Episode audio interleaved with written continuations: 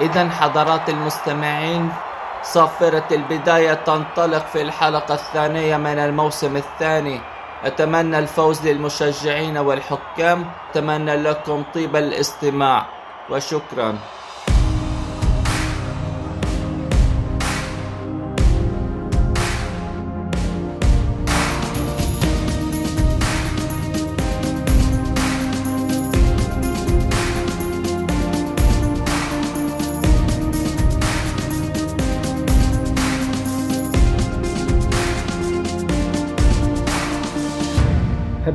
فيكم بالحلقة الثانية من الموسم الثاني بأرتهوليكس بودكاست أنا جورج ميسي ومحضر لكم حلقة كتير مهضومة كتير حلوة. وهذه الحلقة كنت عم فكر فيها من فترة وعم بحضر لها من فترة طويلة. صراحة هذا الموضوع كمان أنا بيهمني إلي لأنه خلال مشاهدتي للمباريات والأحداث الرياضية على طول هالموضوع بيخطر ببالي خصوصا إنه له علاقة بشغلي ك graphic designer رح ندخل بالموضوع بس حابب بالأول إنه نبه على أنواع الشعارات ولما عم بحكي على أنواع الشعارات مش عم بحكي كتقنية يعني ك graphic designers نحن بنعرف في آه، تصاميم اللوجو أو لما نقعد نصمم لوجو في عنا نحن أربع أنواع للتصاميم. ولكن أنا اللي عم بقصده بأنواع الشعارات أو ال logos أو ال brand هو علاقة الجمهور أو الشخص المتلقي للشعار الخاص بالشركة أو المؤسسة أو المنظومة. بدي أحكي لكم عن ثلاث أنواع من الشعارات من ال logos أول شيء الشعارات اللي تابعة لماركات غالية الثمن بما معناه إنه نحن لما بنروح على سباق الفورمولا 1 فرضا بنشوف جمهور أو قسم من الجمهور بيكون عندهم قمصان أو عندهم كابس أو عندهم علاقة مفاتيح أو شوزز أو أعلام حاملة لشعار فراري ولكن بنسبة 1% أو 2% أو 3% من الجمهور هن اللي بيقدروا يقتنوا بشكل فعلي بيقدروا يشتروا منتج مثل فراري مثل سيارة فراري فلهيك نحن بنشوف إنه هيدا النوع من الماركات أو هيدا النوع من الشركات الجمهور تبعها بيحاول يكون جزء من ولو بسيط منها. بحب يكون هو يقتني شيء بسيط من هيدا الشعر من هي الشركة ولكن ما بيحصل على المنتج المهم فيه أو المنتج الأساسي بهالشركة. بنروح على مثلا شعارات مثلا مثل اللي بتمثل الجودة مثل شعار أبل أو سامسونج. خلينا نحن نقربها لهالواقع اليومي اللي الكل بيتهافت على هالشركتين اللي هي بيعتبروا من أكبر شركات التليفونات بالعالم. وهلا ما بس تليفونات هن بقى شركات ال technologies بالعالم. فلما نحن بنكون ماشيين بالطريق وبنشوف شعار أبل أو سامسونج فورا بنعرف إنه ها منزلين شيء جديد اذا هو رائع.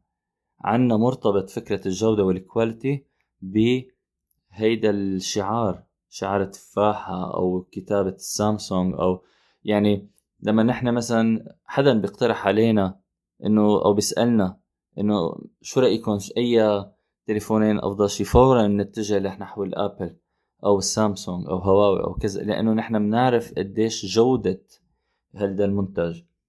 حتى لما بينزل فرضا آه، فتحت التلفزيون طلع عندك دعاية شركة آبل منزلة فرضا آيباد أو منزلة تليفون أو شيء فورا نحن بنعرف إنه خلص لازم نقتني أو نحن إذا اشترينا هذا التليفون نحن بنكون حصلنا على الجودة العالية رغم إنه يمكن هو مش أفضل تليفون بالعالم ك... ك... كخصائص كثير عالم أصلا بصير في جدل حول أي الأفضل بين مثلا ابل سامسونج هواوي وبقية الشركات ولكن فورا نحن لأنه مرتبطين.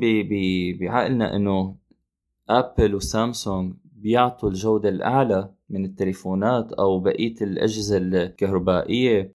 فنحن بنشوف إنه خلص مرتبط إنه نحن إذا حصلنا على هذا التليفون فهو إذا مضمون إنه هيدا رح يكون شيء آه، أو جهاز جيد للاستعمال لفترة طويلة.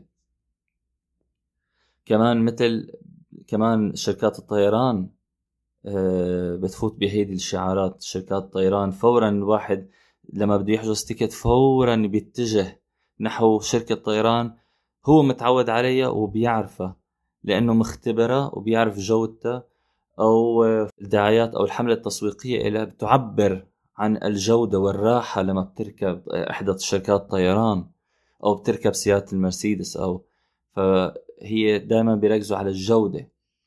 نجي على الشعار الثالث وهو مدخل لموضوعنا. هي الشعارات يلي تختص بالولاء. بما معناه نحن بنشوف المنظومات والمؤسسات يلي إلى جمهور يلي فيها تفاعل مع الجمهور مثل المؤسسات الرياضية أو الأحزاب إذا كنا عم نحكي عن السياسة والدولة إذا كنا عم نحكي عن السياحة. فهدول القطاعات بيكون إلى جمهور وأشخاص بينشدوا إلها وهيدي الشعارات أو نحن ما عم نحكي شعارات كجمل عبارات. نحن عم نحكي ك آه، اللوجو أو ال brand بتخص هيدي المنظمات والشركات. ف هيدا النوع من الشعارات بتكون إلى وجهين.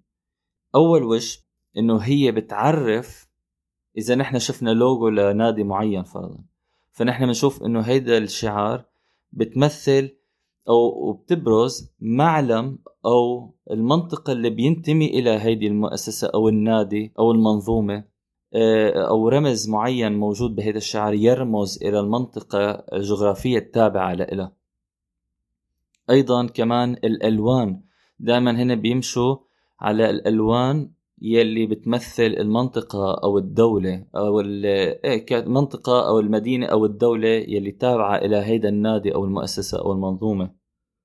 بالوجه الثاني إلى نحن بنشوف إنه الشخص يعني نحن لما عم نحكي على الشعار ما عم نحكي بس إنه هي الشعار تمثل المؤسسة وإنما حتى بالوجه الثاني يلي بنشوف نحن إنه الشخص اللي ماشي بالطريق ولابس بلوزة معينة بألوان معينة أو هي البلوزة حاملة شعار معين أو صورة معينة فهي بتدل أيضا على ولائه لهالشخص إلى هيدي المنطقة. ولاؤه محبته آه، انتمائه أو حتى إنه يكون هو شخص قام بزيارة هذه المنطقة.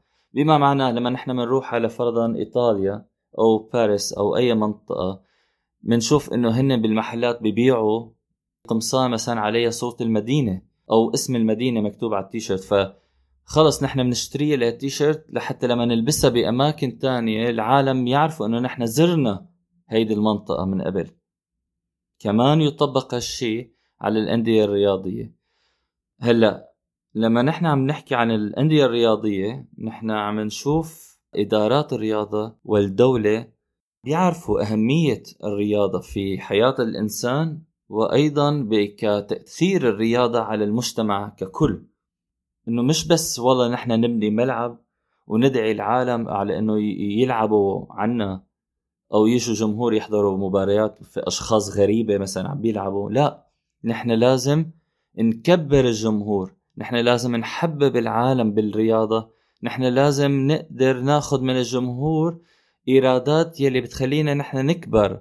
الدول يلي بتهتم بالرياضة تهتم لأنه تقدر هالرياضة تكون حافز للسياحة. كل العالم بتروح على مدريد. وكل العالم بتروح على برشلونة. في جزء كبير من العالم بيروح على برشلونة فقط لزيارة ملعب برشلونة أو لحضور لعبه من ألعاب آه، النادي. ومش بس برشلونة نحن عم نحكي على ليفربول مانشستر يونايتد مدريد آه، باريس سان جيرمان يعني نحن عم نحكي على هالأندية الضخمة يلي العالم بقصدوها وهن بالبرنامج السياحي لهم إنه هن يحضروا مباراة أو يروحوا على المتحف الخاص بالنادي.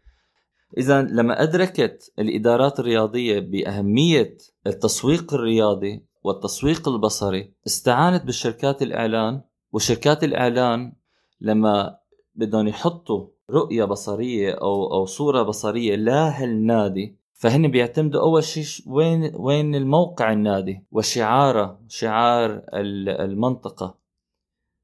إذا بدنا نحكي شوي عن أمثلة نحن مثلا بنشوف نادي روم بنلاقي إنه شعاره هو الثور الخاص آه، بمدينة روما. أيضا ببرشلونة شعار برشلونة بيحتوي على اللون الأصفر والأحمر. يلي هو بيرمز لكتالونيا أو مقاطعة كتالونيا العلم إلى الأصفر والأحمر. وكمان كتير قصص تانية مثل باريس سان جيرمان شعار آه، فيه برج ايفل فنحن بنشوف شركات الإعلانات بيركزوا على اللون بيركزوا على رمز المدينة أو العلم المنطقة التابعة إلى النادي. وبيقوموا بوضع أيضا شعارات أو جمل لحتى يحمسوا الجمهور على ترديدها فبنشوف نحن هون إنه لما يصير في ألوان وأعلام وشعار ولباس خاص بهالمنطقة وبهالنادي وبهالمؤسسة الجمهور يتهافت الحصول على على القميص الذي يمثل انتمائه لهالمنطقة ولهالمؤسسه فلهيك نحن بنشوف إنه العالم بيروح على برشلونة من إحدى الأشياء يعني خلينا نقول 99% اللي بيعملوها إنه ومنهم أنا مثلا بشتري قميص أو بشتري علم أو بشتري لح... لأنه أنا بالنسبة إلي ما فيني أروح على محل زرته ما أكون راجع بشيء آه، بيمثل هيدي المنطقة. وخصوصا كيف لو نادي رياضي أنا بشجعه. هلأ صرتوا بتعرفوا أنا بشجع فبتمنى العالم يضلوا الريالية ما يوقفوا سماع البودكاست. هلأ هون لما بلشت كل نادي يصير له هوية خاص فيها صارت تكبر صار تجذب الجمهور أكثر صار ينتشر بشكل عالمي أكثر فصار البرشلوني يلي بالصين بيعرف إذا لبس قميص برشلونة بيعرف إنه هيدول هيدا بشجع هالنادي. كمان شيء مشان ما يزعلوا الريال مدريدية كمان إذا واحد بأمريكا لبس القميص الأبيض فرح يعرفوا الخاص بريال مدريد رح يعرفوا إنه هيدا الشخص بيشجع ريال مدريد. فالهوية هويات الأندية لما انتشرت فاتت بقى شركات الرياضة وفاتت كمان أيضا الشركات التجارية. خلينا نحكي شوي عن شركات الرياضة دخول شركات الرياضة على الأندية. أول شيء ساعدت بتغطية تكاليف الأندية بتحتاج لحتى تدفعها إن كان للعيبة ولا كمصاريف.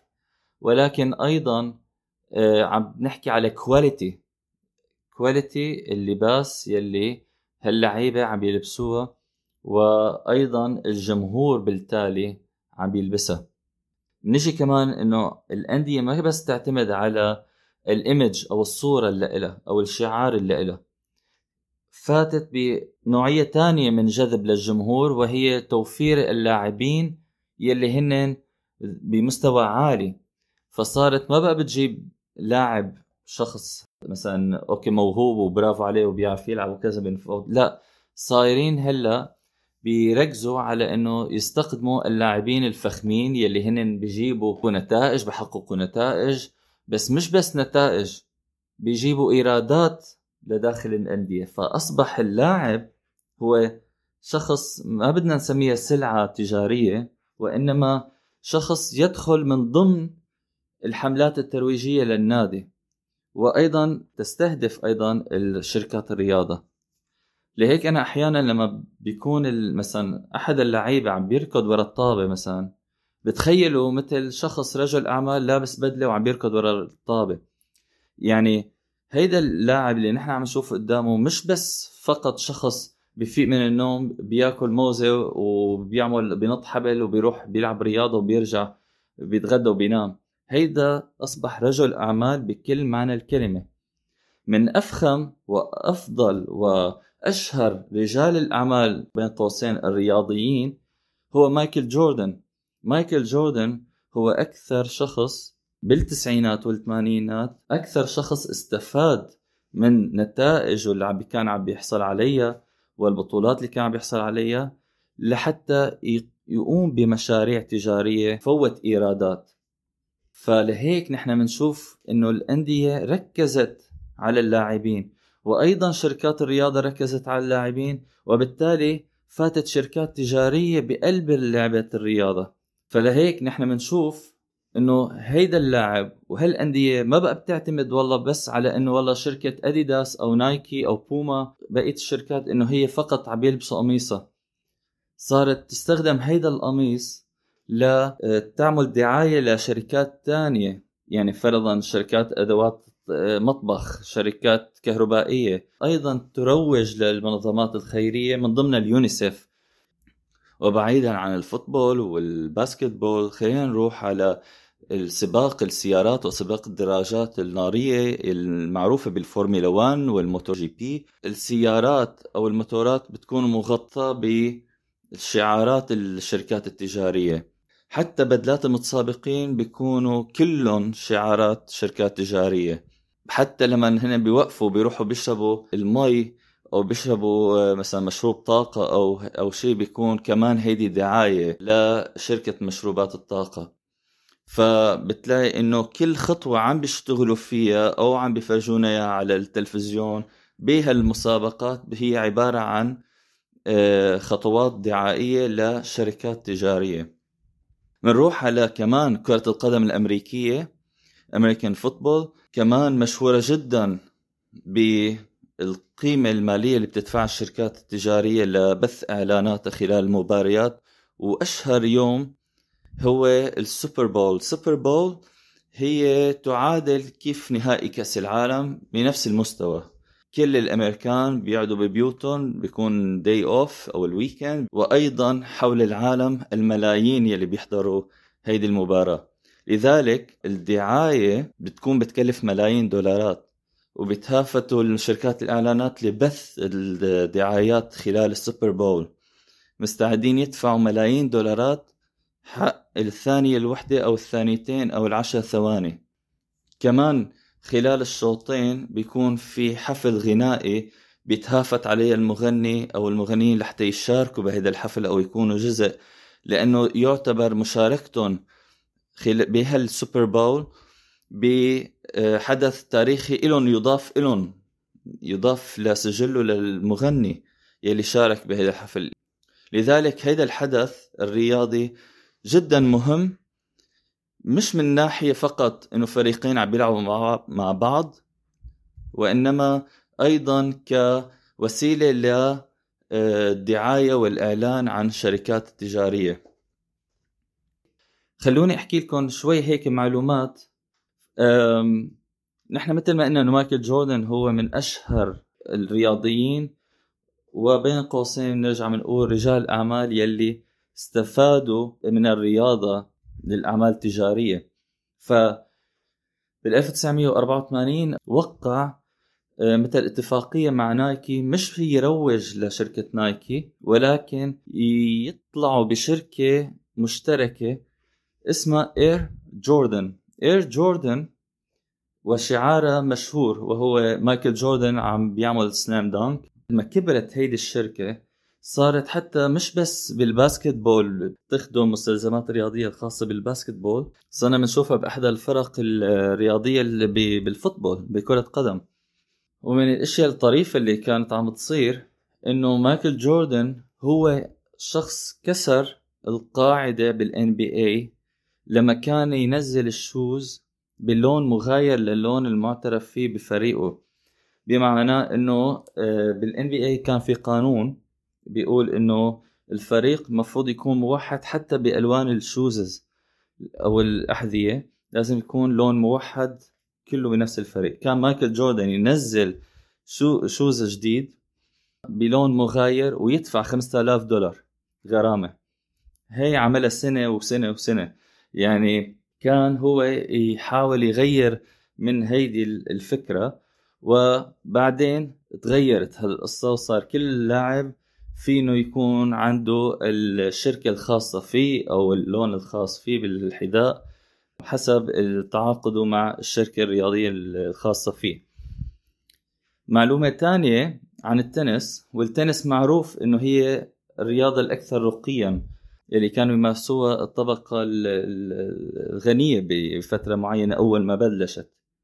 مع الوقت بلشت تنتشر هذه اللعبة وكان العرف والقانون نوعا ما بالبطولات والمباريات اللي كانت تصير إنه يتوجب على اللاعب إنه يلبس لون الأبيض لسببين. أول شيء ليحافظوا على دريس كود معين على مكانة اللعبة. بنفس الوقت كانوا ليخفوا أثر التعرق عند اللاعب. خلوني أحكي لكم شوي عن شركة نايكي طالما نحن جبنا سيرتها آه، في معلومة كتير حلوة عنها إنه مؤسس شركة نايكي كان عم بيبحث عن شعار خاص بالمؤسسة. فما آه، كان طبعا بده يدفع راح على الجامعة لحتى يبحث عن مصمم فالتقى بكارولين ديفيدسون وهيدي الطالبة إجت وعملت تصميم اللوجو اللي إحنا معروف الشهير للنايكي اللي هي إشارة الصح. إشارة الصح هيدي مأخوذة من الحضارة الإغريقية القديمة هي تمثال اسمه نايك. هيدا التمثال يمثل آلهة النصر. فإيمانا منا بالنصر للرياضيين حبت إنه يكون إشارة الصح أو إشارة النصر على الأحذية نايكي. هلأ دفع له هو 2 دولار بالساعة. وقبل هيدا الشعار على مضض. ما كان كتير مقتنع بالفكرة ولكن بعد سنوات رجع قدم له خاتم الماس علي الشعار وبنفس الوقت ظرف فيها أسهم من الشركة تقديرا لإله. هيدي دايما هالقصة بس استرجعه وفكر فيها. بتذكرني قديش مهم إنه نحن نقدر ونعطي أهمية لكل شي نحن عم نشتغله وعم نصممه.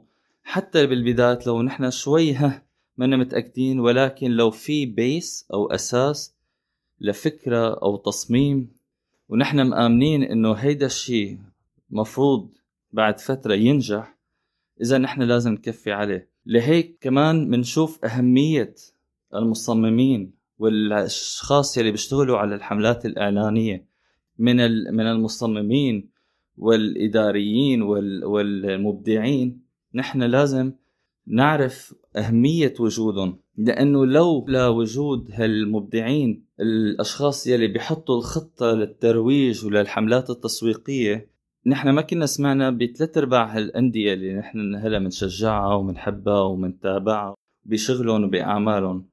بتمنى تكونوا استفدتوا من هيدي الحلقة بشي معلومة. أنا ناطر اقتراحاتكم وتعليقاتكم على الحلقة على صفحات البودكاست على الإنستغرام والفيسبوك وأيضا تعليقاتكم على قناة البودكاست على اليوتيوب.